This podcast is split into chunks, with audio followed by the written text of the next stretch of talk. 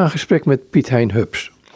Het is vandaag 31 januari en dat zeg ik met een reden. Ehm, het is vanwege het feit dat er een boekje voor me ligt. Dat heet In het voetspoor van Jezus naar Jeruzalem. Overwegingen voor pelgrims van bisschop Harry Smeets. Nou, Harry Smeets is op dit moment ernstig ziek.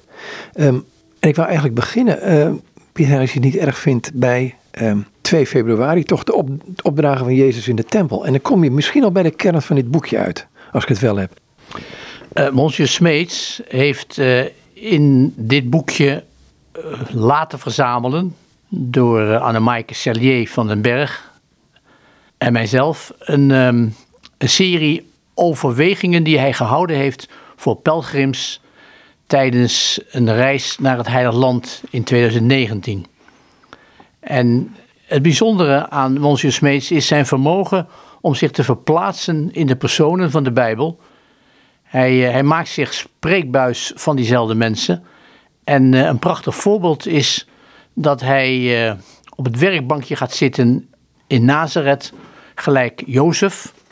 En Jozef terugkijkt naar zijn um, lange leven als uh, echtgenoot van uh, Maria en als um, vader van, van Jezus, als voedstervader zeggen we dan heel plechtig. In, dat, in die overweging die ik nu eventjes een stukje uit voorlees, vertelt hij over het moment dat uh, hij, Jozef, samen met Maria en het kindje Jezus naar uh, de tempel gaat om daar de, het voorschrift van de Joodse wet te volbrengen, namelijk twee jonge duiven te offeren in de tempel van Jeruzalem.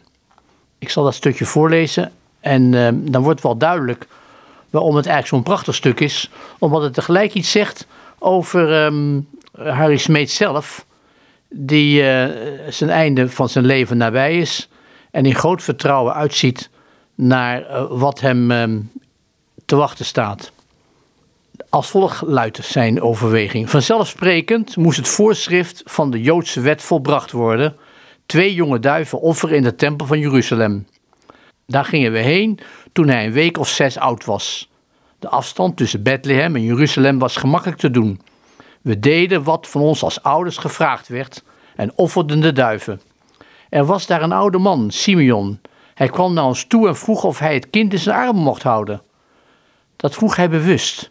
Hij wist dat dit niet zomaar een eerstgeboren jongen was. Hij kwam met een zekere gedrevenheid, ondanks zijn oude dag, met een beslistheid die het vanzelfsprekend maakte dat hij hem in zijn armen nam. En toen veranderde iets in zijn blik in zijn gezichtsuitdrukking. Er kwam rust over hem, alsof hij eindelijk gevonden had waar hij al levenslang op wachtte. Zoiets zei hij ook. Mijn ogen hebben nu uw heil gezien, de glorie van uw volk Israël. Laat nu, Heer, uw dienaar dan in vrede gaan. In die vrede lieten we hem achter. Nu ben ik, Jozef, zelf zo oud als Simeon toen was. Mijn levenstaak is vervuld, dat voel ik. En ik heb deze gedachten over mijn leven nog eens door me heen laten gaan. Verhalen die vandaag werden aangevuld door wat ik hoorde dat in Jeruzalem gebeurd is. Over Jezus' trieste sterven, maar ook de verhalen dat hij op de derde dag is opgestaan. Begrijpen wat daar gebeurd is? Nee, dat kan ik niet. Ik kan amper overzien wat mijn rol geweest is. Het verhaal zal ook geen einde hebben hier. God gaat verder met zijn volk, met de mensen die bij zijn volk willen horen. Nee, ik begrijp lang niet alles, maar ik heb genoeg gezien en gehoord om te weten dat het goed is. Weten met de zekerheid van mijn hart. Hoe zei Simeon het alweer? Laat nu, Heer, uw dienaar in vrede gaan. Beter kan ik het niet zeggen. De zon is nu bijna weg. De dag heeft zijn licht gegeven. Nog altijd zit op mijn bankje voor de werkplaats hier in Nazareth. Hoor ik mijn naam roepen in de verte. Ik word genodigd aan de maaltijd. Een maaltijd van spijs, merg en belegen wijnen. Ik hoor mijn naam, Jozef. Het is tijd om op te staan. Dat betrek jij ook op Harry Smeet? Jazeker, dit is een, uh, een prachtige beschrijving van hoe uh, Harry Smeets zijn eigen leven ziet als volstrekt dienstbaar aan, um, aan de mensen omheen. Het bijzondere aan, uh, aan Harry Smeets is zijn. Um, er zijn heel veel redenen om het een, een bijzondere bisschop te vinden. Het aardigste is misschien om dat te illustreren aan de hand van zijn uh, mooie wapenspreuk die hij heeft gekozen. Namelijk in Gods naam mensen liefhebben. Um, dat spreekt uit alle teksten die in dit aardige boek bij elkaar gegaard zijn. Spreekt uit al die teksten die hij uitgesproken heeft daar in het Heilig Land. En die hier verbonden zijn met uh, Bijbelteksten waar hij uh, naar refereert. In Gods naam mensen liefhebben. Dat uh, is de vraag die hij zichzelf steeds opnieuw stelt. De opdracht die hij zichzelf steeds stelt. Maar de opdracht die ook ons medechristenen aan ons geeft. Dit boekje is samengesteld of door jou onder andere. Um, en het gaat over een reis die jullie hadden in, het, uh, in Israël. Um, die reis stond gepland en toen werd hij tot bisschop benoemd, dacht ik. Hoe ging dat? Want dan krijg je het idee van, uh, zou hij wel meegaan? Ja, het is zo dat uh, Harry Smeets lid was, of lid is, van de ridderlijke orde van het Heilige Graf in Jeruzalem, waar Annemaike Charlier van den Berg en ik zelf ook lid van zijn.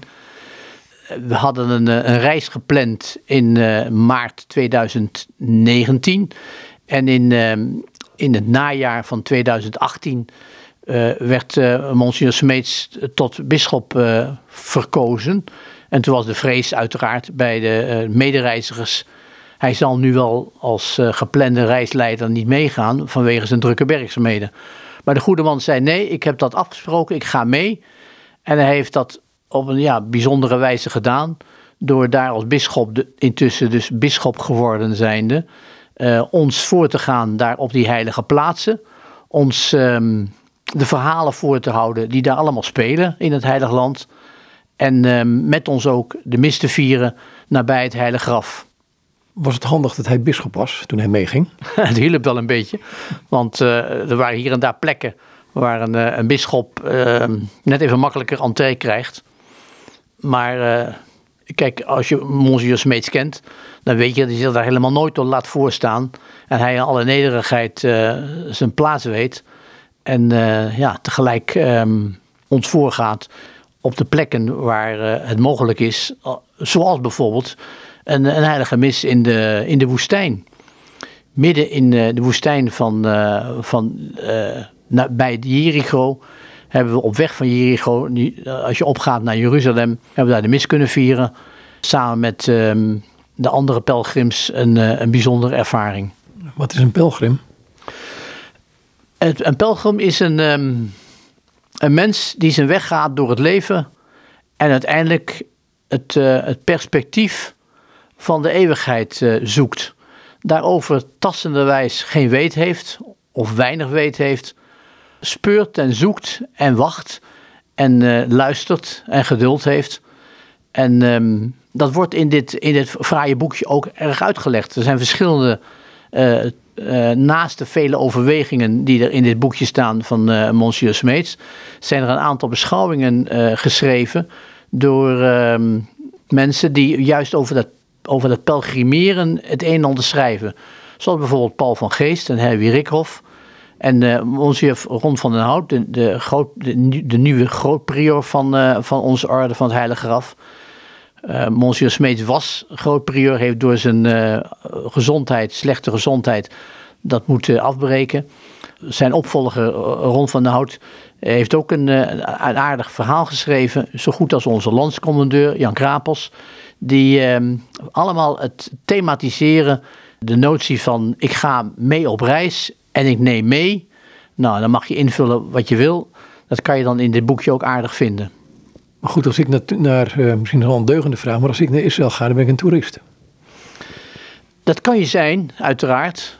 Maar uh, het is toch wel eigenlijk zo als je met een groep uh, geloofsgenoten onder leiding van een, eh, een, een geestelijke als Monsieur Smeets op stap gaat, dan ervaar je dat het, het reizen een, van een andere soort is dan het toeristische gaan kijken naar bezienswaardigheden. Uh, je komt op plaatsen en uh, zoals het dan ging bij uh, de vijver van Bethesda, Harry Smeet zei ga er maar zitten. En ik zal je dat verhaal van Bethesda wel eens eventjes vertellen in de woorden van die arme man die 38 jaar lang zit te wachten totdat hij ehm, uiteindelijk in het water kan om op die manier weer gezond te worden. Misschien is het aardig als ik daar een, ehm, een stukje van voorlees. Uh. De overweging Harry Smeets luidt: Ik bleef liggen totdat. Daar lag ik, 38 jaar lang.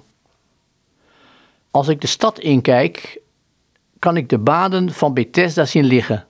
Twee enorme baden, gevuld met water uit de Kederonbeek. En eromheen, onder de overkapte zuilengalerijen, liggen de gebrekkigen, de zieken, de lamlendigen van de stad. Het is een soort openluchtkliniek waar mensen bedelend hun dagen doorbrengen. Nog maar pas geleden lag ik er ook tussen, een lamme, waar de mensen overheen keken of op neerkeken, een hopeloos geval. Al die zieken daar geloven dat het water van de baden genezende kracht heeft. Als het in beweging komt, wordt de eerste die in bad gaat genezen. Maar met mijn verlanging was ik nooit de eerste om in het water te komen, want ik had niemand om mij te brengen. Is dat niet een dilemma? Ik had niemand om mij te brengen. Zo bleef ik daar liggen, 38 jaar lang. Een dilemma inderdaad. Hij klaart op, die, uh, die lamme man. Want hij gaat als volgt verder. Totdat die vreemdeling langs kwam. Hij was niet van hier, anders had ik hem wel herkend. Het was druk, er was een Joods feest. En daarom was hij natuurlijk in de stad. Geen idee dus wie hij was. Maar toen onze ogen elkaar ontmoetten, zag ik dat hij niet op mij neerkeek. Hij keek me echt aan, op een manier alsof hij alles van mij wist. Toen vroeg hij zonder omwegen: Wil je gezond worden? Wat een vraag. Het was geen kwestie van niet willen, maar van meer niet van niet kunnen. Ik had de kracht niet om zelf op te staan. Dat heb ik hem ook gezegd. Heer, ik heb niemand om mij te brengen als het water bewogen wordt. Er is mij altijd iemand voor. Het heet daar dan wel Bethesda, huis van de trouw, huis van de solidariteit. Dat klinkt prachtig. Maar de waarheid van die verpleegkliniek is wrang. Want we waren er wel solidair, maar alleen in onze ellende en uitzichtloosheid. Als het erop aankwam en het water bewoog, dan dacht iedereen alleen maar aan zichzelf. Dus was ik altijd te laat, want ik had niemand. Maar hij maakte me gezond. Er was niet eens levend water uit de baden voor nodig. Zijn woord was genoeg, dat was levend water. Sta op, zei hij. Ik kon staan, lopen, nam mijn bed op en ging. Tien passen. Meteen kreeg ik commentaar dat het een rustdag was en dat ik dus mijn bed niet mocht dragen. Die mij gezond heeft gemaakt, die heeft mij gezegd: neem je bed op en loop. Dat heb ik als antwoord gegeven. Ik wist zijn naam niet eens, keek nog om me heen, maar was verdwenen in de drukte. Later leerde ik zijn naam kennen toen ik hem in de tempel tegenkwam. Hij zei toen wat merkwaardigs: Je bent genezen, zonder niet meer, omdat je niets ergers overkomt. Wat zou er nog erger kunnen zijn dan zoveel jaren verlamming? De dood toch alleen maar? Toen ik ziek was, kon ik maar een deel van mijn lichaam bewegen, maar er was nog leven. De dood is erger. Dat beweegt niets meer, dan sta je niet meer op. Vrijdag was de dag van de dood hier in Jeruzalem, de dag van zijn dood. Ik heb het achteraf gehoord toen ze mij kwamen vertellen: Degene die jou heeft gezegd: neem je bed op en loop, is gekruisigd en begraven. Daarna kwam de rustdag. En vandaag begint de bedrijvigheid in Jeruzalem weer. Ik wilde vandaag zijn graf gaan bezoeken, maar hoor verhalen dat het leeg is. Een paar vrouwen hadden het in alle vroegte zo aangetroffen. De een zegt dat zijn leerlingen hem in de nacht hebben weggehaald. De vrouwen zeggen dat ze het in het lege graf een engel gezien hebben, die hun zei: Hij is verrezen, opgestaan. Dat woord gebruikt hij ook voor mij: sta op. Voor de rest niks, geen moeilijke opdrachten of voorwaarden, alleen sta op. En zijn woord gaf mij wat ik mezelf niet kon geven, de kracht om op te staan. Waarom zou je dan zelf niet kunnen opstaan? Opstaan het ergste ons kan overkomen, de dood. Zijn woord deed mij opstaan uit mijn lamlendigheid. Waarom zou zijn woord ons dan niet doen opstaan uit de dood? Je ziet, uh, ja, je, je hoort hier in feite het getuigenis van, uh, van de prediker van de prediker Smeets, die hier eh, zegt: Mens, sta op. Heb je godsnaam lief en sta op. En dat hele boekje is eigenlijk vervuld van opstaan. En is ook dan niet zo gek dat het een, uh, geschreven is, met name ook voor leden van een, van een orde die, uh, die getuigen van het, van, van het lege graf. Heel apart. Um, in het boekje zijn ook een aantal dingen waar ik denk van ja, je, je, je durft ook wel. Uh, over de zaligsprekingen bijvoorbeeld. Um, wat mij trof is dat hij zegt ja, zalig degene die hongeren naar gerechtigheid. of er is een heel rijtje in. Maar hij zegt wat wij hongeren noemen, dat, is, dat lijkt af en toe hier in het Westen, waar wij wonen, wel een beetje trek hebben, alleen maar. Heel wat mensen in verlangen naar die gerechtigheid het spoor bijster, schrijft Smeets. Ofwel we hongeren en dorsten naar zaken die geen verzadiging geven, omdat ze ons toch steeds weer met een volgend verlangen achterlaten. Ofwel we zoeken gerechtigheid op een wijze die ze ons niet geeft. Harry Smeets legt uit in zijn overweging, naar aanleiding van die zalensprekingen, dat wat dorst naar gerechtigheid betekent. Uh, God schenkt ons in Christus de gerechtigheid, waardoor we als mensen recht, rechtop in het leven kunnen gaan. Hier heb je het weer, rechtop in het leven kunnen gaan. een gerechtigheid die we onszelf niet kunnen geven. Zalig als je hongert en dorst, als je met heel je wezen verlangt naar die gerechtigheid. Als je in contact met Christus ervaart dat handelen naar zijn woord ons maakt zoals we bedoeld zijn. En als we zo ervaren dat ons recht gedaan wordt, dan zullen we ook hongeren en dorsten naar gerechtigheid voor een ander. In Gods naam mensen liefhebben. Het begin van het stukje, eigenlijk ook wel boeiend. Trek je wat lekkers, zin in iets te drinken, we kennen het allemaal, maar echte honger of echte dorst. Er zullen maar weinig mensen hier zijn die daarover kunnen meepraten. Jezus heeft het erover in dit evangelie van de zaalsprekingen. Zalig wie hongeren en dorst naar de rechtigheid, zegt Jezus. Dat zijn sterke woorden. Honger en dorst. Dan voel je een groot gebrek, een wanhopig verlangen. Je weet, voelt en merkt, ik heb schreeuwende behoefte aan eten en drinken. Een sterk verlangen dat je doen en laten ook je denken en voelen beheerst. Dat is wat Jezus bedoelt. Mensen hebben honger en dorst, vooral naar geluk. De grote drijfveer achter elke daad van mensen. Ik wil gelukkig zijn. Nou, je mag wel verder gaan, want ik bedoel, hij, hij legt hier iets uit waarvan ik denk van um, het verschil tussen trek hebben en echt dorsten of hongeren naar gerechtigheid. Dat is, een elementair verschil, is het volgens mij. Want het een is toch een beetje met jezelf bezig zijn, met het ander. Het andere aspect is toch met de ander bezig zijn voornamelijk. Ja, uh, Harry Smeets die, die beschrijft het als volgt. Het grote drama van ons mensen is dat we het geluk zelden lijken te vinden. We hebben er veel voor over, hard werken, veel geld, inzet, tijd. Maar telkens als we denken geluk bereikt te hebben, vragen we: is dit het nou? Wie zo hongert en dorst naar geluk, raakt zelden verzadigd. Het oog wordt steeds groter en de maag steeds wijder. We blijven iets missen en we zijn niet snel tevreden. En daarbij is zo'n geluk kwetsbaar. Je denkt het te hebben gevonden, maar dan gebeurt er iets en het geluk is weg.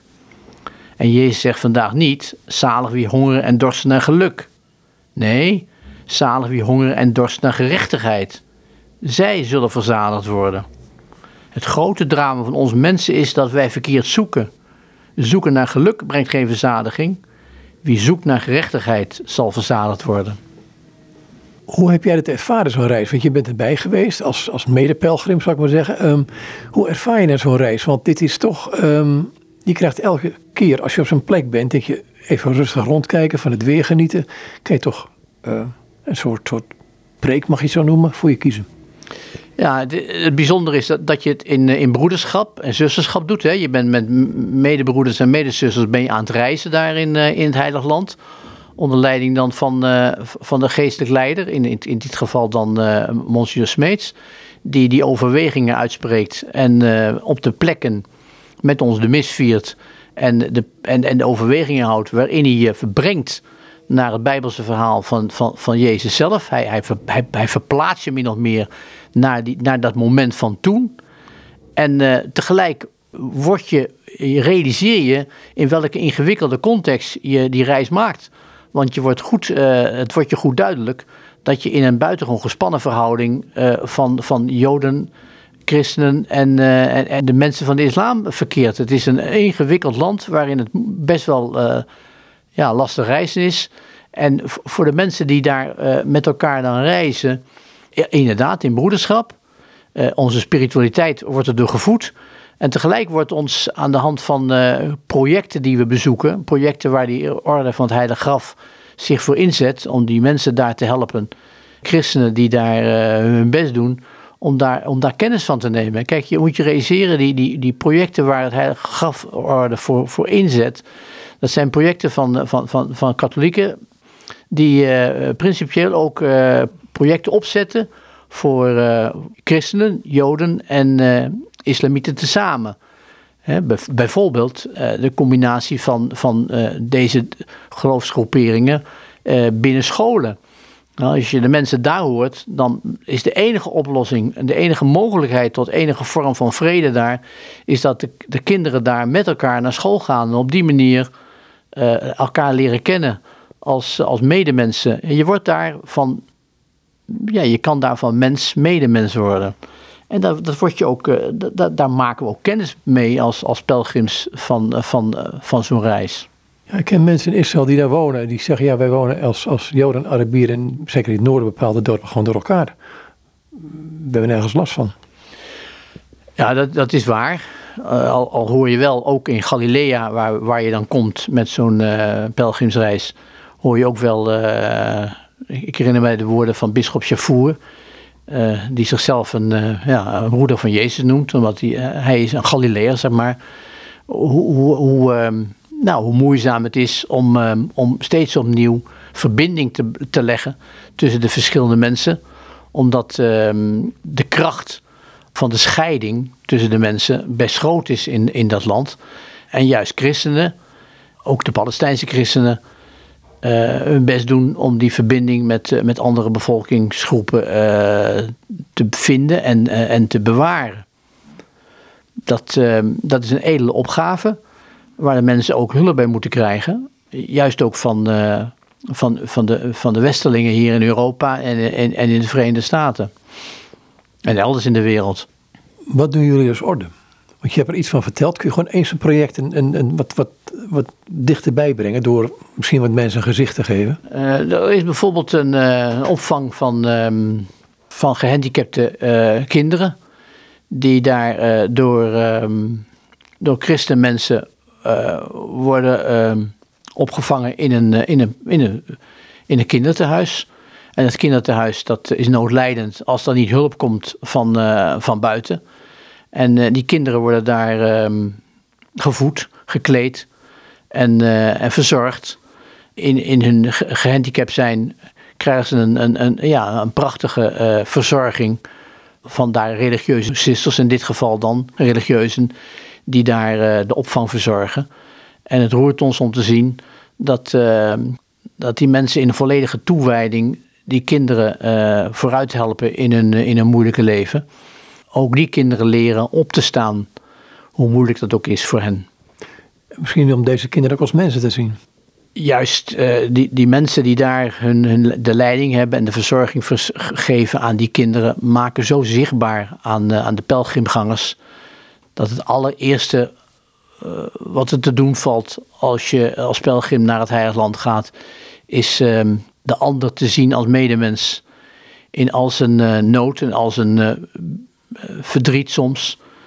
Te ervaren als, als mensen die je kunt liefhebben.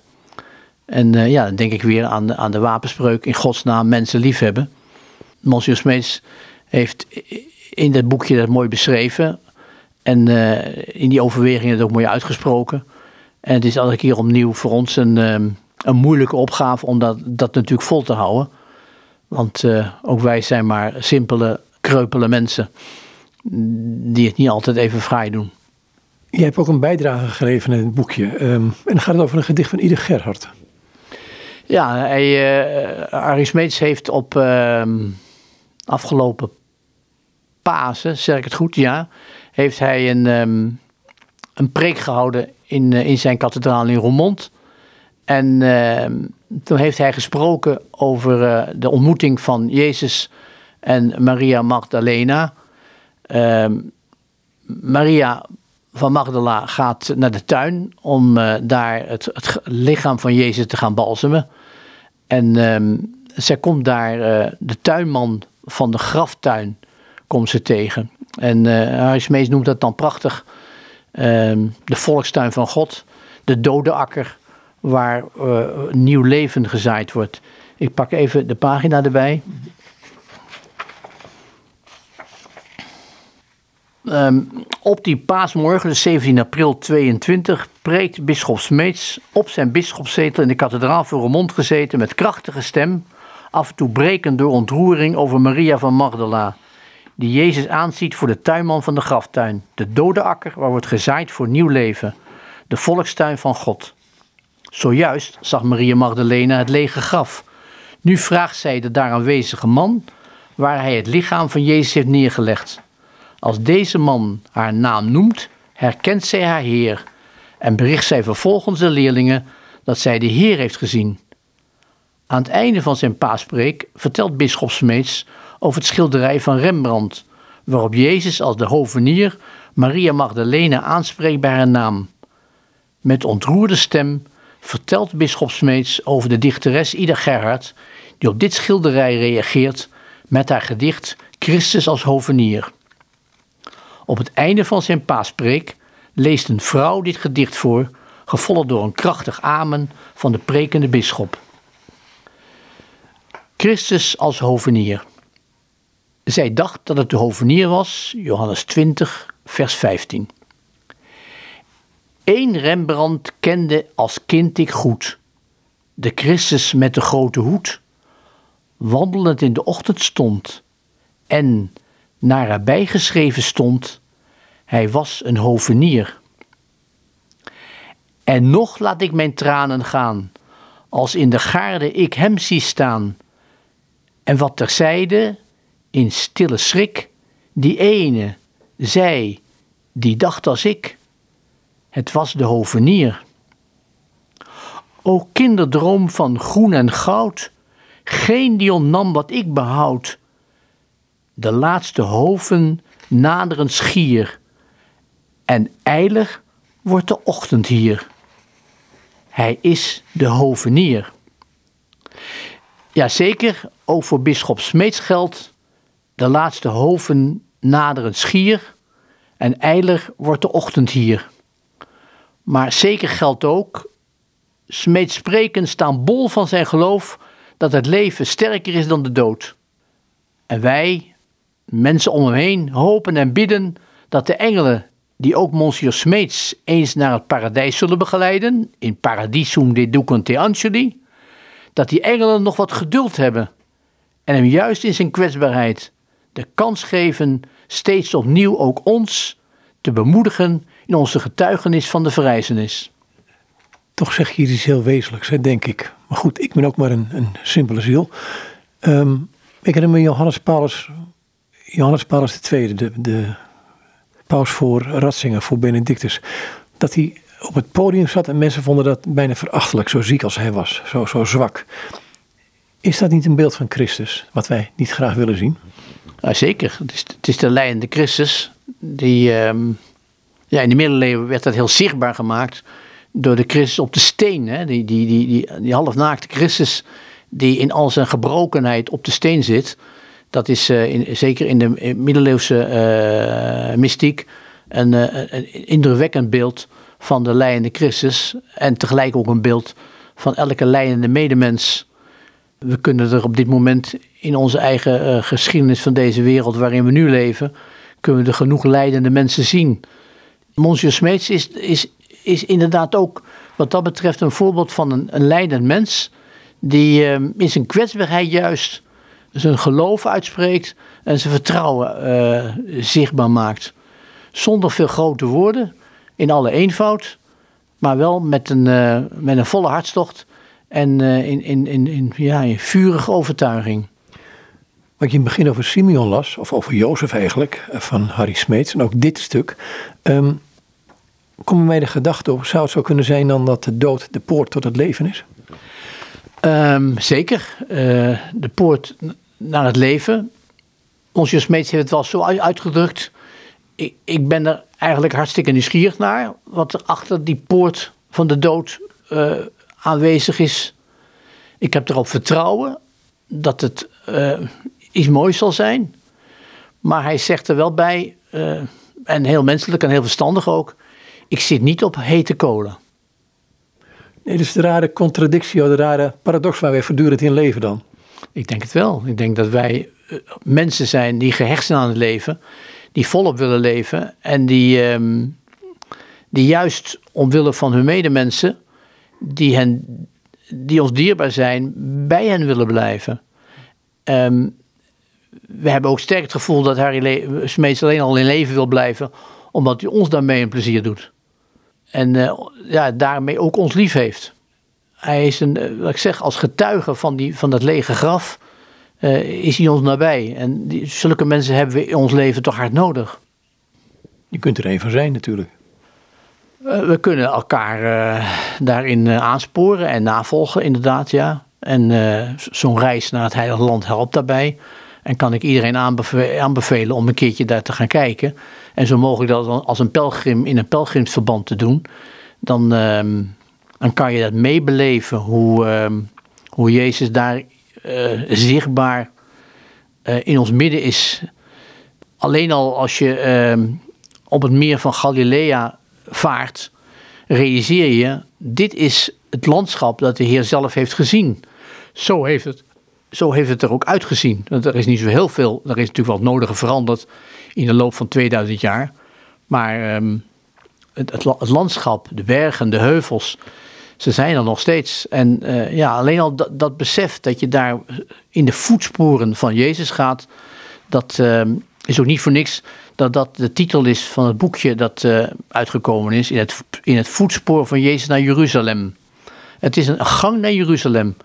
En Jeruzalem is de plek van het lijden, maar is ook de plek van de opstanding. Ik wil naar een stuk gaan, uh, Emma's. Ja, het programma heet niet voor niets Emma's Gangers, maar um, wat via Radio Maria uitgezonden wordt. Maar ik vind het een prachtig stuk. Ik heb ooit een priester dit horen zeggen, dat Jezus op een gegeven moment um, naast deze twee mensen komt lopen. Ze hebben het niet in de gaten. Um, en hij zei, ja, het is alsof Jezus voortdurend met ons eerst de verkeerde kant op gaat, voordat we een beetje in de gaten krijgen dat hij erbij is. Um, Bisschop Smeets gaat als volgt. Ondaan en nog vol verwarring dat Jezus aan het kruis gestorven is, vertrekken twee leerlingen naar Emmaus, slechts 11 kilometer van Jeruzalem vandaan, verslagen en met teleurstelling. Hij zou degene zijn die Israël zou bevrijden. Gaan ze op pad. De weg er naartoe is tot op de dag van vandaag nog hetzelfde. Een zanderig pad met hier en daar kuilen, rotsen en struiken. De leerlingen spraken onderweg over alles wat er was voorgevallen. Ze hadden hem in de steek gelaten. Hun voeging en pijn hierover en gemis waren voelbaar. Jezus had hun harten gevuld, hun eigen onvermogen moesten ze onder ogen zien. Dan komt eh, het, het Lucas-verhaal, Lucas 24, waarin Jezus zegt: O onverstandigen die zo traag van hart zijt in het geloof en alles wat de profeten hebben gezegd. Dat, dat, dat zegt hij, maar daarvoor laat hij ze eindeloos aan het woord. Maar goed, dat, dat zegt Jezus aan hen, maar daarvoor laat hij hun eindeloos aan het woord. Dus hij wacht even tot ze uitgesproken zijn. Ja, hij, hij, hij, hij, laat, hij geeft de Emmausgangers de gelegenheid om hun eigen onzekerheid en hun eigen verdriet, om die, eh, om die te ervaren, met elkaar uit te wisselen. En um, dat ook in gesprek te brengen met die vreemdeling die aan hun zijde is. Een van hen, die Cleopas heette, staat dan in het EVG, nam het woord en sprak tot hem: Zijt de enige vreemdeling in Jeruzalem dat ge niet weet wat dat deze dagen gebeurd is? En dan zegt Jezus: Wat dan? Ze antwoordden hem dat met Jezus Nazarene, een man die profeet was, machtig in daad en woord in het oog van God en heel het volk. Hoe onze hoge priesters en overheidspersonen hem hebben overgeleverd om ter dood te worden veroordeeld en hem aan het kruis hebben geslagen. En wij leefden in de hoop dat hij degene zou zijn die Israël ging verlossen. Maar met dit al is het reeds de derde dag sinds die dingen gebeurd zijn. Zelfs hebben een paar vrouwen uit ons midden ons in de war gebracht. Ze waren in de vroegte naar het graf geweest, maar hadden zijn lichaam niet gevonden en kwamen zeggen dat ze ook nog een verschijning van engelen hadden gehad, die verklaren dat hij weer leefde. Daarop zijn enkele van de onze naar het graf gegaan en bevonden het zoals de vrouwen gezegd hadden, maar hem zagen ze niet. En nu sprak Jezus tot hen: O onverstandigen, die zo traag van hart zijt in het geloof aan alles wat de profeten gezegd hebben. Moest de Messias dat alles niet lijden om in zijn glorie binnen te gaan? Beginnend met Mozes verklaarde hij hun uit al de profeten wat in al de schriften op hem betrekking had. Dat verhaal had ik best willen horen, jij niet? Zeker ja, daar hadden we graag bij geweest. Maar in zekere zin zitten we erbij. Doordat we dat, dat Lucas-evangelie hebben. En het, het, hele voorafgaand, wat, wat, wat voor, voor Lucas 24 staat, is eigenlijk het hele verhaal dat, uh, dat Jezus eigenlijk vertelt aan die. Uh, dus we hebben in zekere zin het verhaal wel, alleen in een wat andere, uh, in andere volgorde, zou ik maar zeggen. Goed, Bisschop Smeets die heeft dan een verhaal van um, de Emmausgangers, dus de twee discipelen die daar lopen, die kennen, herkennen Jezus niet. En dat vind ik ook heel apart. Ik denk, ja, je bent een aantal jaren met hem opgetrokken en dan nog herken je hem niet. Um, begrijp je dat? Ja. Um, ja, ik denk dat, dat, dat het wel begrijpelijk is dat ze, dat, dat ze hem niet herkennen, omdat hij zelf vragen stelt en niet meedeelt in de ervaring van daar. Dus ze waren zo vol van hun eigen gedachten over, um, over Jezus, dat ze niet meer ruimte hadden op dat moment om op die vreemdeling te reageren. Ik denk dat, ja, dat, dat kan het verklaren waarom um, ze hem niet herkenden. Maar ik moet ook eerlijk, hij zal erbij zeggen, Lucas hanteert dat natuurlijk ook heel slim. Want hij heeft een, uh, een, een, retorische, uh, retorische truc, is te veel gezegd. Mhm.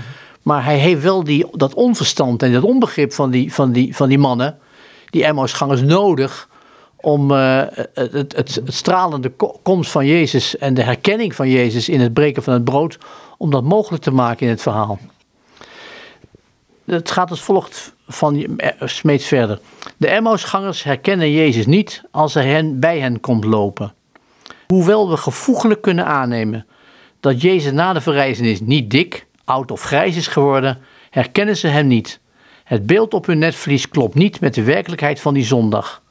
Het beeld dat ze in herinnering hebben, zal zeker dat van Goede Vrijdag zijn. Van die trieste afloop van het leven van Jezus weten ze alles. Ze zijn er zo vol van dat ze de vreemdeling die bij hen komt lopen alles over het grote debakel vertellen. Bent u dan de enige vreemdeling in Jeruzalem dat u niet weet wat daar deze dagen gebeurd is? Net zo gebeurt het in onze dagen, wanneer iemand sterft die ons dierbaar is. Het verdriet, de herinnering aan de pijn en ook de herinnering aan het goede van het leven van de overledene, die zijn dan het sterkst. Ze wachten op een luisterend oor om verteld te kunnen worden, alsof mensen dan willen zeggen: Maar dit leven waarin zoveel goeds was, mag toch niet zo afgelopen zijn? Zo ook de Emmausgangers. Ze vertellen Jezus alles, inclusief het verhaal van het lege graf en de vrouwen die een verschijn van engelen hadden gehad, die verklaarden dat hij weer leefde. Het is duidelijk, het gebeuren van de kruisiging en zijn dood had zo'n impact gehad dat ze het verhaal van de verschijning niet geloofden en ook na twee keer kijken Jezus niet herkenden. Een wezenlijk stuk van Jezus' geschiedenis hadden ze gemist. Jezus luistert geduldig naar hun verhaal en doet dan pas zijn mond open. En waarmee hij zegt, begint is niet mis. O onverstandigen die zo traag van hart zijt in het geloof aan alles wat de profeten gezegd hebben. Eigenlijk zegt hij in moderne woorden, bewoordingen, o stelletje domoren, jullie kennen de Bijbel wel, maar je gelooft het nog steeds niet dat het zo moest gaan. En dan legt hij het allemaal nog een keer uit.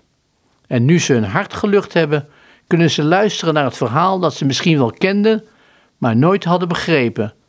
Dat lijden en dood inderdaad afschuwelijk zijn en dat ze bij het menselijk leven horen, maar dat ze niet het laatste zijn. Net zoals in onze dagen mensen het verhaal van Jezus misschien wel kennen, maar het niet doordringt dat het een betekenis heeft voor het leven alle dag. Dat het zin geeft aan alles wat wij op onze levensweg aan teleurstelling of verdriet tegenkomen. Dat het laatste niet de onontkoombare dood, maar het eeuwige leven is. Uiteindelijk herkennen ze Jezus aan het breken van het brood. Hun teleurstelling hebben ze kunnen uiten. Met schone oren hebben ze naar hem geluisterd en zijn ze gaan geloven wat ze al die tijd als dode letter meedroegen. Maar ze herkennen hem pas als hij het brood met hen breekt. We vieren Eucharistie, Daaraan mogen we Hem herkennen, dat Hij zijn woord waarmaakt en in de gedaante van brood onder ons komt. Dat mag ons de kracht en de moed geven om met vreugde ons leven te leiden, zoals de Emmausgangers die met vreugde hun levensweg vervolgen. Met vreugde, geen goedkoop, lang levende lol en dat het mij maar goed gaat, maar een diepe innerlijke blijdschap dat wat er ook gebeurt, het leven niet meer stuk kan. Dat er één is die bij ons blijft, die we met de ogen van ons geloof mogen kennen en herkennen, ook als het avond wordt. Dat het ons af en toe moeite kost hem te herkennen, zoals de Emmausgangers, het is geen schande. Het volgende gedicht is gericht aan een van de Emmausgangers, Cleopas genaamd. Het zou zo gedicht van menigeen van ons kunnen zijn. Ach, Cleopas, ik beken dat ik hem ook vaak niet herken. Wanneer hij met mij praat, zo diep van hart tot hart. Wanneer hij naast mij gaat en het mij toch verwart. Hoe vaak heb ik hem niet doorzien, omdat ik hem niet zag, hoewel hij net zo naast mij liep, als bij jullie toen die dag. Als je naar die reis kijkt, niet alleen naar die reis die je gemaakt hebt met uh, Harry Smeets, de bisschop. Wat zijn nou de dingen die het meest bijblijven in je eigen woorden even? Want we kunnen prachtige dingen uit het boekje nog lezen, maar gewoon is, is als je nou even hardop je gedachten wil laten, laten of je hart wil laten spreken. Um, Zo'n zo'n reis geeft kracht, het verbindt en het leert je te onderscheiden wat goed is en beter en best is.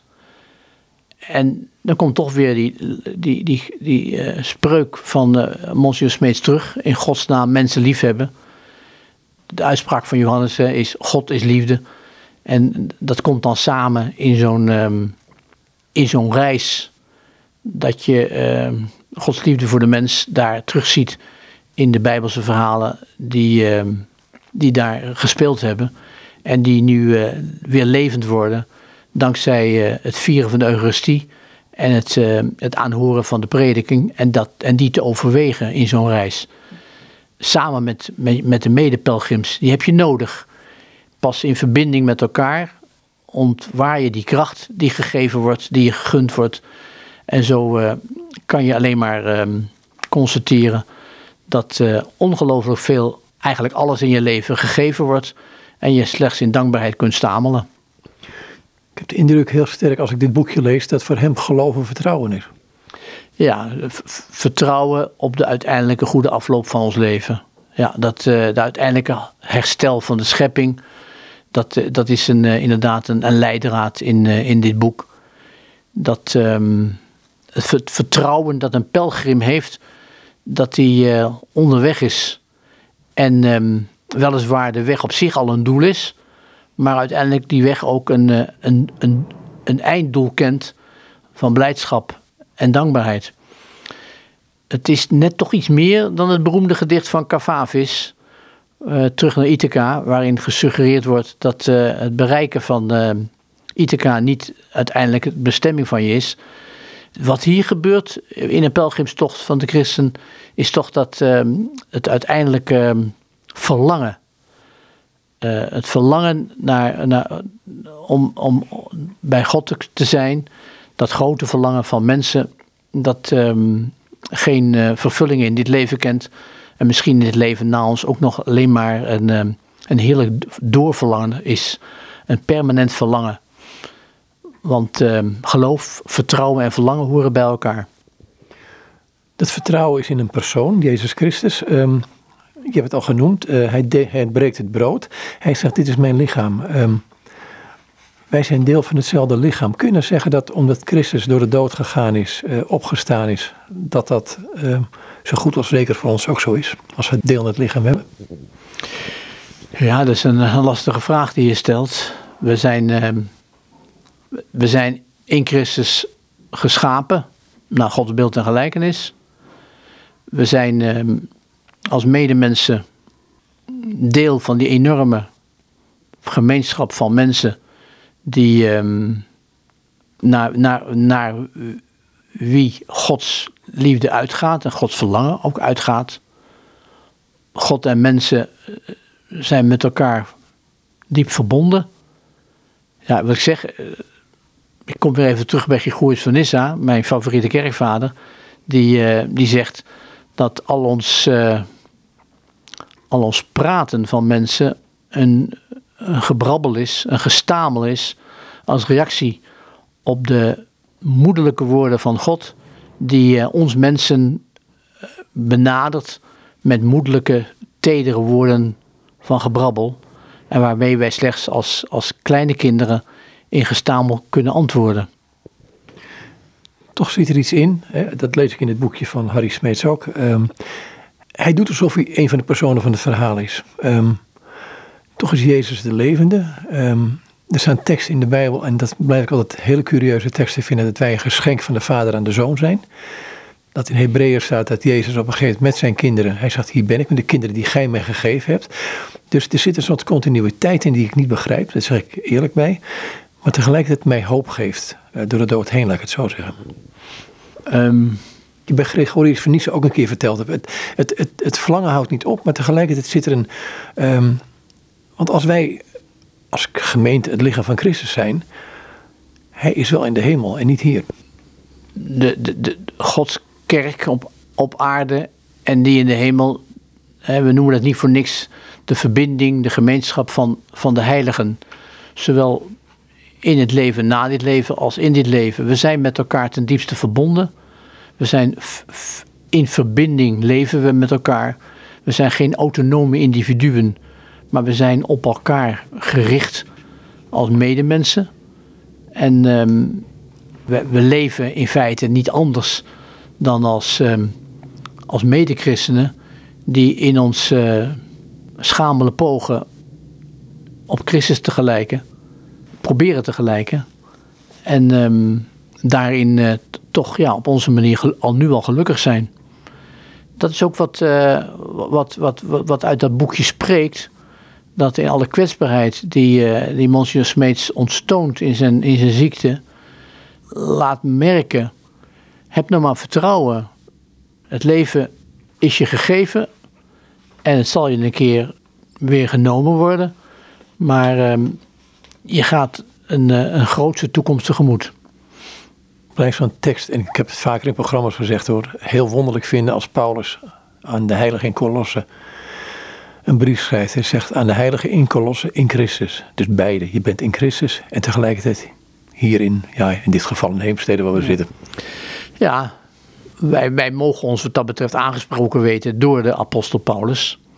Ook wij zijn die, um, die tot heiligheid geroepenen mensen die uh, proberen te leven. En uh, wat ik zeg, daar in alle schamelheid niet altijd in slagen. Maar wel uh, steeds opnieuw worden opgeroepen om op te gaan staan. Want opstaan nu al in dit leven is een deel van de opstandingsleer. Hè? Ik wil eindigen met uh, het boekje heet In het voetspoor van Jezus naar Jeruzalem. Um, overwegingen van pelgrims van bischop Harry Smeets. Achter in het boek staat een pelgrimspsalm, een bedevaartslied van David. Misschien is het goed om daarmee te eindigen. Um... Ja, het is, het, is um, het einde van het boekje eindigt met het pelgrimsgebed, het gebed van de ridder en de edelvrouwen. Dat, is dat van jullie orde? Dat is, van, dat is inderdaad van de ridderlijke orde van het Heilige Graf van Jeruzalem. Oh, die, mag je ook, die mag je ook wel lezen erbij. En daarna met David eindigen. Dan eindigen we trefzeker. Uh, aan het einde van het boekje, dus naast het... Uh, afbeelding van de, eh, de bovenkant van de grafkerk staat het gebed van de ridder en de edelvrouwen. Heer Jezus Christus, omwille van uw vijf wonden, welke wij op onze insignia dragen, bidden wij tot u.